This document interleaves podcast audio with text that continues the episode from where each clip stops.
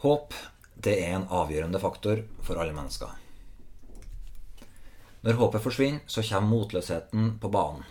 Håpet det, det lyset vi går mot når alt er mørkt rundt oss. Det er det som gir deg grunn til å stå opp om morgenen, og som gjør det verdt å holde ut smerte og motgang. Håpet det holder oss gående. Et annet sånt avgjørende ord for oss, det er ordet gjenreisning. Eller gjenopprettelse. Altså at det som er ødelagt, kan bli ordna igjen. At det som gjør vondt, kan bli lindra. At det som er svakt, kan bli sterkt. Så de her prosessene av gjenopprettelse, det er på, på, samme måte som håpet, så er det et sånt avgjørende ord i det å være menneske. Vi opplever at ting blir ødelagt, og så formes denne bønna og lengselen i oss i at det som er brutt, det som er ødelagt, det som er vanskelig, at det skal bli lindra, at det skal bli reparert, at det skal bli friskt, at det skal bli bra igjen. Og, og denne gjenopprettelsen det er en sånn rød tråd, ikke bare i, i liksom det å være menneske, men det er en rød tråd gjennom hele Bibelen. Gang etter gang så leser vi historier om hvordan Gud kommer med nåde og gjenoppretter mennesker som er utslått og nedbrutt. Gud, han er håpets gud. Han er gjenopprettelsens gud. Samme hvor brutt og ødelagt noen er, så kan han gjenreise og nyskape. I denne eh, lydundervisninga har jeg lyst til å gå gjennom Salme 85 sammen med dere. Salmen er på en måte skrevet for alle oss som trenger håp og nåde og en ny start. Og den viser oss Guds prinsipper for hvordan han gjenoppretter mennesker, familier og nasjoner. Hvis du har mulighet nå, så vil jeg oppmuntre deg til å sette opptaket på pause og hente deg en bibel, eller slå opp på en eh, bibelapp på telefonen din, og at du følger med i teksten mens vi leser. Det, det vil være til hjelp.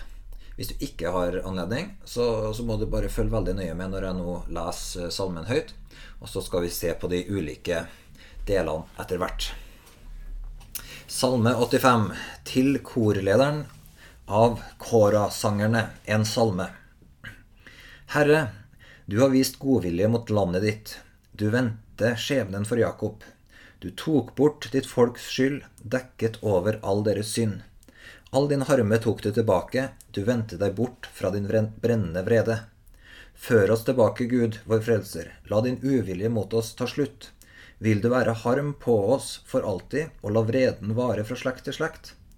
Er det ikke du som vekker oss til liv på ny, så folket ditt kan glede seg i deg? La oss få se din miskunn, Herre, gi oss din frelse. Jeg vil høre hva Gud Herren sier, for han forkynner fred til sitt folk, til sine trofaste, bare de ikke vender tilbake til dårskap. Ja, hans frelse er nær for dem som frykter ham, for at herlighet skal bo i landet vårt. Miskunn og sannhet skal møte hverandre, rettferd og fred skal kysse hverandre. Sannheten skal spire opp av jorden, og rettferd se ned fra himmelen. Herren skal gi det som godt er, og landet vårt skal bære sin grøde. Rettferd går foran når han drar fram. Amen. Så hvis vi skal se litt nærmere på denne salmen, så ser vi at den har på en måte tre sånne hovedfaser i seg. Kan sikkert dele den inn på andre måter, men, men, til å begynne med så snakker salmisten om, om Guds trofasthet og på en måte minner om Guds godhet. Han sier, 'Herre, du har vist godvilje mot landet ditt.' Du vendte skjebnen for Jakob. Du tok bort ditt folks skyld, dekket over all deres synd. All din harme tok du tilbake. Du vendte deg bort fra din brennende vrede. Så salmisten har et fokus på hva Gud gjør. Gud har i tidligere tida vist godvilje mot landet. Han har i tidligere tida snudd skjebnen for, for folket. Han har tatt vekk folkets skyld, dekka over all deres synd. Så det er hele tida et fokus her fra salmisten på at, at Gud er den som, som tidligere da har, eh, har eh, vist godvilje, nåde og skapt eh, forsoning. Og og, og brakt folket til et sted av å leve under hans nåde istedenfor under hans harme. Og så sier han videre i vers 5 så sier han, Før oss tilbake, Gud vår frelser. La din uvilje mot oss ta slutt. Så situasjonen her er at salmisten skriver fra et utgangspunkt av at han har erfart Guds godhet. Han har erfart Guds nåde. Og så, på vegne av folket, så sier han at vi har, vi har gått vil. Vi har, har gjort det som gjør at vi er under din harme. Eh, vi har forlatt din nåde. Og så ber han denne bønna. Før oss tilbake, Gud, vår frelser. La din uvilje mot oss ta slutt. Vil du være harm på oss fra alltid, og la vreden vare fra slekt til slekt? Og så adresserer en Gud igjen, og så sier han, er det ikke du som vekker oss til liv på ny, så folket ditt kan glede seg i deg? La oss få se din miskunn, Herre. Gi oss din frelse. Så denne salmen tar altså utgangspunkt i en som er en del av et folk som har vendt Gud ryggen, og som høster fruktene av det men som bærer med seg minnet om Guds nåde, Guds trofasthet og, og, og, velvilje, og som igjen sier Gud, er det ikke du som på ny kan eh, vekke oss til liv? Så han vet at han kjenner Gud og vet at han er den som kan vekke til liv på nytt igjen det som har vært dødt. At han kan skape der ting har vært tørt. At han kan, kan fornye og, og gjenreise det som har vært ødelagt. Og så sier salmisten, 'Jeg vil høre hva Gud, Herren, sier'. Så fordi han vet at Gud er den som skaper på nytt, så vender han øret sitt til Gud for å høre hva han vil si. Og det første han legger merke til at Gud sier, det er at for han forkynner fred til sitt folk, til sine trofaste, bare de ikke vender tilbake til dårskap. Så det betyr at Gud Guds ord går ut med fred til de som er trofast mot Han. Så, så det vi trenger å legge merke til her, det er at både det, trenger vi å legge merke til at Gud han, han forkynner fred. Men vi trenger å, å legge merke til at den freden, den tilbys ikke overalt. Og her sier han at, at du tilbys fred bare du ikke vender tilbake til dårskap. Så dårskap det er jo et annet ord for dumskap. Så, så litt sånn flåsete sagt så kan vi si at Gud tilbyr fred, bare du ikke er dum. Det var veldig flåsete sagt. Men la oss eh, se kjapt i Salme 14, for der står det om denne dårskapen. Og I vers 1 der så det, står det Dåren sier, sier i sitt hjerte Det finnes ingen Gud. Ondt og avskyelig er alt de gjør, det finnes ingen som gjør det gode. Fra himmelen ser Herren ned til menneskene for å se om det finnes noen som er vis, om det er noen som søker Gud. Så her beskriver salmisten eh, forskjellen på dåren og den som er vis. Dåren han sier det fins ingen Gud, og han gjør det som er ondt og avskyelig. Men Gud han speider ned til menneskene for å se om det finnes noen som er vis, og kjennetegnet på de vise det er da at de søker Gud. Så dårskapet, dumskap, det er å vende Gud ryggen og ignorere Han og holde seg til det som er avskyelig. Og, og Guds fred går ikke ut til de som vender Han ryggen. Gud er tilbyr sin fred til dem som oppriktig ydmyker seg og søker Han. Så, så, det, så det, det, er på en måte en ting som vi trenger å legge merke til. Gud er fantastisk på den måten at han er alltid klar til å tilbe sin fred. Men premisset for det er at du har ydmyka hjertet ditt og søker Han. Det er kjennetegnet på den visdommen Gud ser etter, som gjør at han kan komme med sin fred, som begynner å skape gjenreisning og forandring. Så han forkynner fred til sitt folk, til sine trofaste, bare de ikke vender tilbake til dårskap. Gud ønsker å tilbe sin fred til alle mennesker, men når mennesker lever i dårskap og opprør mot han og ignorerer han, så fins det ingen, ikke et grunnlag for Gud til å bringe inn, bringe inn sitt tilbud om fred. Så står det i vers 10 så står det, Ja, hans frelse er nær for dem som frykter Han, for at herlighet skal bo i landet vårt. Så her finner vi igjen noe av det samme. Han sier at Guds Så det første vi legger merke til, at Guds fred den er tilgjengelig for de som søker Han, for hans folk, hans trofaste. Og så sier han at frelsen hans er nær for dem som frykter Han. Så Guds frelse og eh, har på en måte i seg en sånn betingelse at Guds frelse den blir virksom der Gud møter Guds frykt.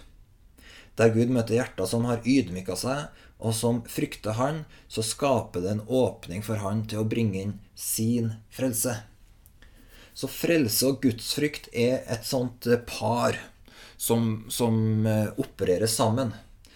Når Gud ser Guds frykt, så er det som en åpen dør for Han til å bringe inn sin frelse. Hans frelse er nær for dem som frykter Han. Så når vi er i en sånn vanskelig situasjon, når, ting, når vi har behov for frelse, når vi vet at vi trenger Guds hjelp, så er veien til å finne hjelp fra Gud, det går gjennom gudsfrykten. Det går gjennom å si Gud, jeg gir deg rett. Jeg gir deg retten til å være Gud. Jeg gir deg retten til å definere, definere hva som er sant, og hva som er feil. Jeg gir deg retten til å definere hvem jeg er. Jeg gir deg retten til å definere hvem du er. Jeg gir deg retten til å definere hva som er sant og feil i mitt liv. Jeg gir deg retten til å sette mitt liv i rett stand, sånn at ordet ditt får virkerom i livet mitt. Så gudsfrykten er på en måte rullebanen for Guds frelse, som gir han et grunnlag å bringe inn frelsen sin på. Så frelse og gudsfrykt, det er Guds måte å skape forandring på. Mennesker prøver å skape forandring i utfordrende situasjoner. Jeg vet ikke hvor mange situasjoner jeg har vært i der, der har jeg stått med mennesker som, som eh, opplever at ting er utfordrende, at eh, livet går imot dem, at det er ting som er brutt. Men så blir vi stående med å gi folk sympati, oppmuntring, eh, eller Eller ja, eller bare generelt å vise folk omsorg og godhet. Men det er ikke et grunnlag der for å bringe inn Guds frelse fordi at gudsfrykten mangler. Så, så, så, men gudsfrykten gjør at vi, vi sier det her at 'Herre, jeg har kommet til kort. Jeg klarer ikke det her. Jeg trenger din hjelp. Og jeg trenger din frelse. Din frelse på din måte.' Av og til så har vi lyst til å ha frelse på vår egen måte, men gudsfrykten gjør at vi tar imot hans frelse. Hans gjenreisning og hans løsning på utfordringene i livet vårt. Og så skjer det noe, noe fantastisk når gudfryktige mennesker søker Gud, og han bringer inn sin frelse. Så skjer det noe fantastisk, som salmisten beskriver her. Det, det skjer for at herlighet skal bo i landet vårt. Så når vi rent menneskelig hjelper hverandre så best vi kan, med gode råd og sympati og oppmuntringer, så er det ikke en synliggjøring av Guds herlighet i det. For at vi gir ingen plass til Guds nåde til å komme. Men når vi ser at gudsfrykt møter frelse fra Gud, så i, når Gud bringer frelse i en situasjon som er mørk, i en situasjon som er låst, når han frelser folk ut av synd, ut av, av uh, sykdom, ut av fangenskap og setter folk i frihet, så er det en synliggjøring av herlighet.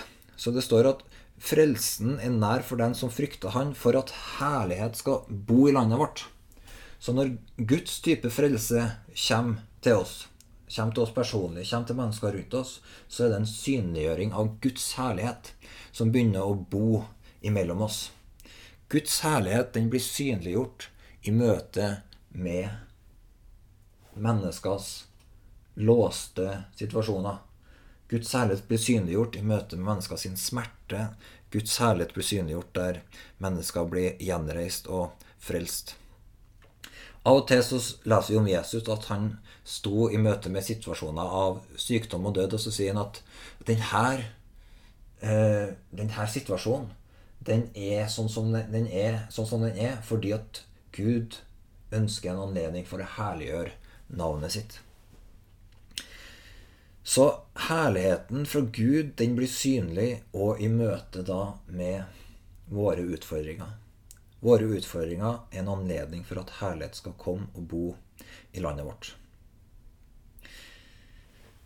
Så når Gud bringer inn sin frelse, så kommer ikke bare Gud og på en måte godtgjør det som vi trenger, men han kommer òg og synliggjør sin egen herlighet. Og så sier salmisten at målet her er at herlig, Guds herlighet den skal bo i landet. Så det er ikke sånn at den herligheten bare skal bli synlig i et øyeblikk, og så forsvinne igjen. Men Guds herlighet skal komme og bli værende. Det skal bli en permanent uttrykk for Guds herlighet. Så når Gud gjenreiser oss, så gjenreiser han oss til å være et vedvarende vitnesbyrd og uttrykk for hans herlighet. Et, gjenreist, et ekteskap som er brutt og gjenreist, er en vedvarende vitnesbyrd som uttrykker Guds herlighet. Et uh, menneskeliv som har vært ødelagt av synd eller av rus, og som blir gjenreist og frelst, er en vedvarende uttrykk for Guds herlighet. Og så går da salmisten videre og beskriver hvordan denne gjenreisninga av Guds herlighet foregår. Så i vers 11 så sier han Miskunn og sannhet skal møte hverandre. Så Guds herlighet den blir altså boende, og den blir synliggjort og gjennom at nåde og sannhet, eller at miskunn og sannhet, det, det finner hverandre.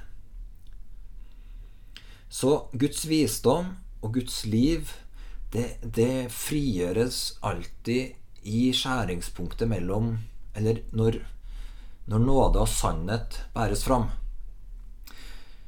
Og da er det Det fungerer ikke Når nåden og sannheten møter hverandre, så er det på en måte ikke sånn at at eh, nåden og sannheten på en måte inngår et kompromiss. Eh, sånn at eh, Sånn at vi At det, av og til at nåden trumfer sannheten, og av og til så trumfer sannheten nåden. Men nåden og sannheten møtes, og så er det akkurat som om nådekrafta og sannhetskrafta blir på en måte antent når de møter hverandre. Eh, litt sånn som du trenger både drivstoff og, og, og flammer for å få en forbrenningsmotor til å gå. Sånn er det med nåde og, og sannhet òg. Du trenger Nåden er på en måte den gnisten som gjør at sannheten får motor å gå med. Ehm, så nåden og sannheten når, i, i, i gjenreisninga av Guds herlighet i en situasjon, så er nåden og sannheten en sånn avgjørende faktor at vi bringer det sammen. Og, og kristne har ofte en tendens til at vi kjemper for det ene eller det andre. Noen kan kjempe komme veldig sterkt med sannheten uten at de kommer med nåden og sier at vi må bare forkynne Guds ord rent og klart. Og da å stille folk ansvarlig for å leve etter det, og da har vi eh, finner vi Guds vei. Og så er det noen som sier at nei, men Jesus kom med nåden. Og, og, og, det er det eneste vi har å gå med til mennesker. Og mennesker som lever i utfordrende situasjoner, trenger ikke først og fremst å høre sannheten om eh, hvor begredelig de har det, men de trenger bare nåde. Og så setter, blir det som vi setter nåden og sannheten opp mot hverandre. Men, men sannheten er at eller ja, eh, sannheten er at, at, Guds måte å gjøre det her på, det er at han bringer nåde og sannhet sammen. Og det virker sammen. Og nåde og sannhet er på en måte de to kompisene som trengs for at gjenreisningsprosessen i et menneske, i en familie, i en nasjon skal gå sin gang. Når nåden finner sannheten, så begynner Guds kraft å virke til gjenreisning og nytt liv. Så miskunn og sannhet, når de møtes, det er dynamitt. I, i i mørke situasjoner så trenger mennesker sannheten for å ha lys, men de trenger nåde for å gå mot lyset. I mørke situasjoner så, så ser ikke folk nødvendigvis hva de sitter fast i. Så du trenger sannheten for å vite hva slags synder du trenger et oppgjør med. Men hvis du bare vet hva som er synd, og ikke har noe nåde fra Gud, så kommer du bare under fordømmelse. Men nåden og sannheten sammen blir frihet og nytt liv. Så gjenreisning skjer når miskunn og sannhet møtes. Og så går salmisten videre og så sier han at rettferd og fred skal kysse hverandre. Så her snakker han om et intimt fellesskap. Rettferden og freden, de er veldig, veldig nære venner. Og, og, og, du på en måte Freden, han er der rettferdigheten er.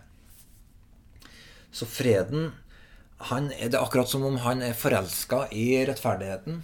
Og når rettferdigheten bryter gjennom et sted, så kommer freden med en gang og, og, og, og tar seg et kyss. Fordi rettferdigheten og freden de opererer sammen i Guds gjenreisning. Så Gud ønsker å gjenreise oss til et sted av fred. Uten frykt. Uten, uh, uten å vakle under føttene. Uten at vi kjenner at livet på en måte vakler under oss, eller at vi lever på ustødig grunn. Men nøkkelen for å erfare den freden, det er at Guds rettferdighet kommer inn. Så Guds rettferdighet den har på en måte to eh, sånne sider ved seg. På den ene sida så har du da Guds rettferdighet på korset, og det Jesus gjorde for meg der. At han levde et liv uten synd. At han ble det fullkomne soneofferet som døde og sto opp igjen for, mine, for tilgivelsen for mine synder. Og, og den Guds rettferdighet i Kristus da, den virker på denne måten at Pga. det som Jesus har gjort for meg på korset, så er jeg tilgitt fra Gud. Gud har tilgitt syndene mine. Og han har gitt meg del i Kristi rettferdighet. Kristus sin rettferdighet har i Guds øya blitt min rettferdighet. Kristus sitt verk, frelsesverk, har blitt mitt liv. Jeg er begravet med Kristus. Dvs. Si at jeg er død bort fra det gamle livet og reist opp til et nytt liv i Jesus Kristus, der hans rettferdighet har blitt, blitt en del av mitt liv.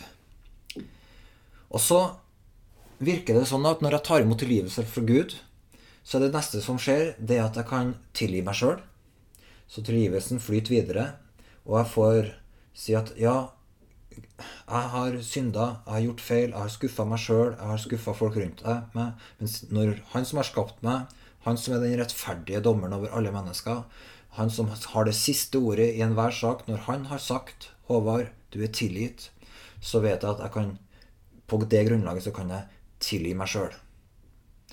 Så rettferdigheten i Kristus den bringer fred mellom meg og Gud, og så gir den meg fred med meg sjøl.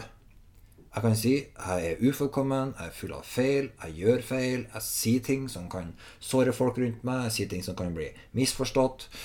Jeg har gjort ditt, jeg har gjort datt, men Gud har tilgitt meg. Jeg tilgir meg sjøl. Jeg har fred med meg sjøl. Jeg har fred med Gud. Og så kan jeg begynne å gi tilgivelse og nåde til mennesker rundt meg.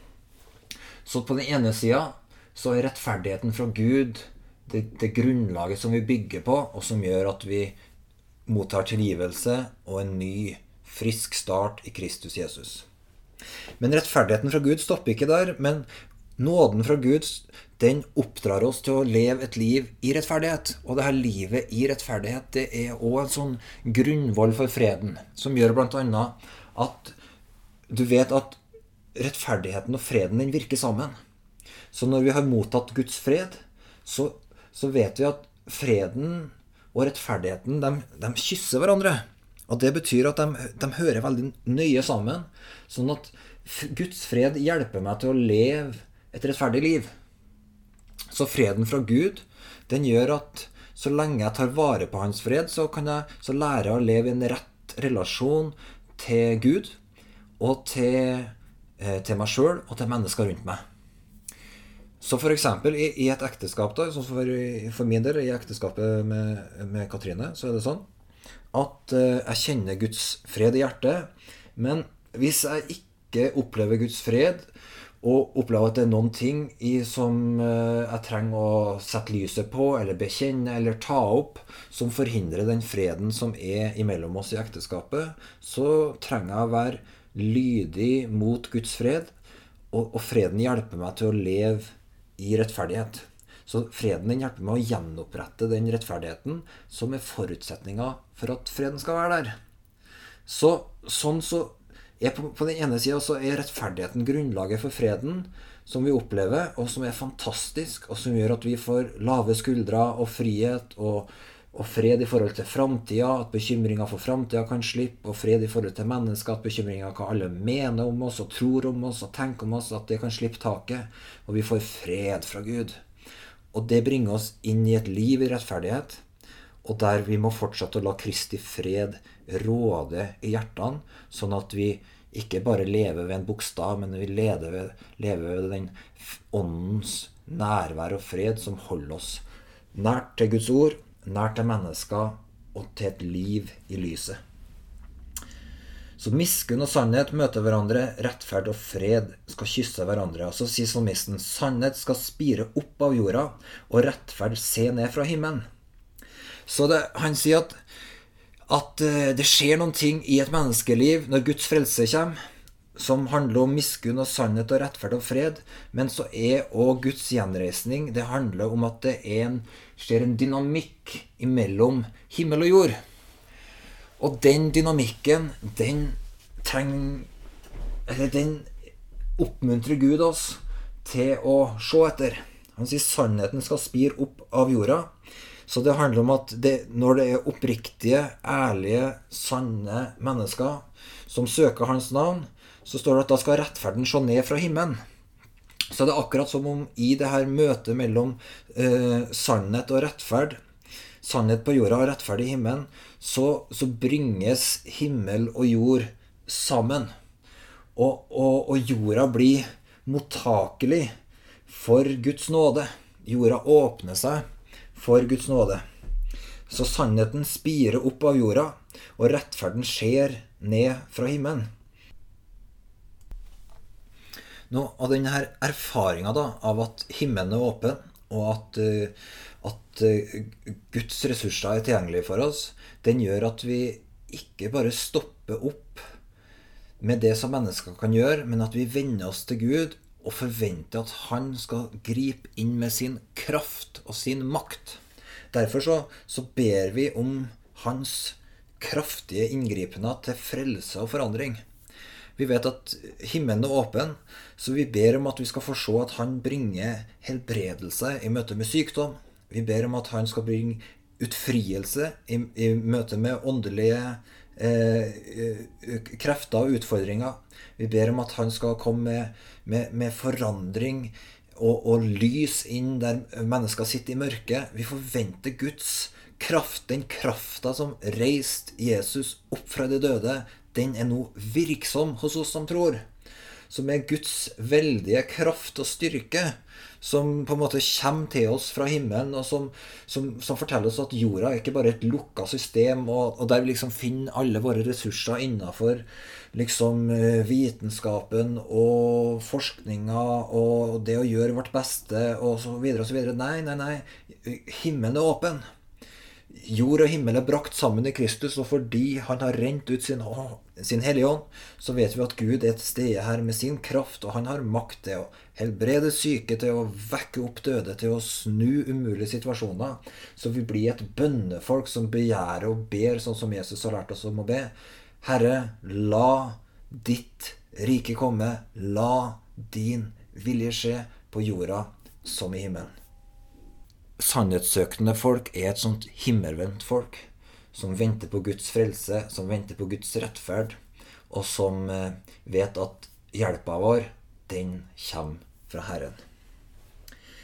Herren skal gi det som godt er, og landet vårt skal bære sin grøde.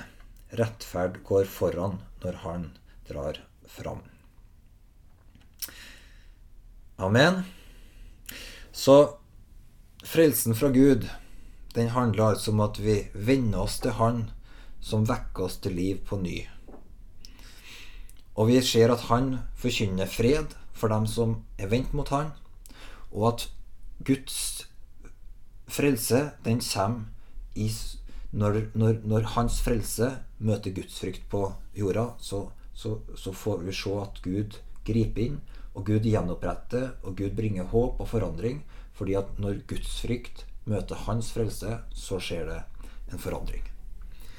Og så ser vi at herligheten den skal bo i landet vårt. Gjenreisninga fra Gud er en permanent sak. Han gjenoppretter ikke bare et øyeblikk, men han gjenreiser til en varig, livskraftig forandring. Der miskunn og sannhet møtes, og rettferd og fred finner sammen. Og der himmelen og jorda arbeider sammen for å se Guds frelse og Guds forandring nyskape livet og den verden vi er en del av. Amen.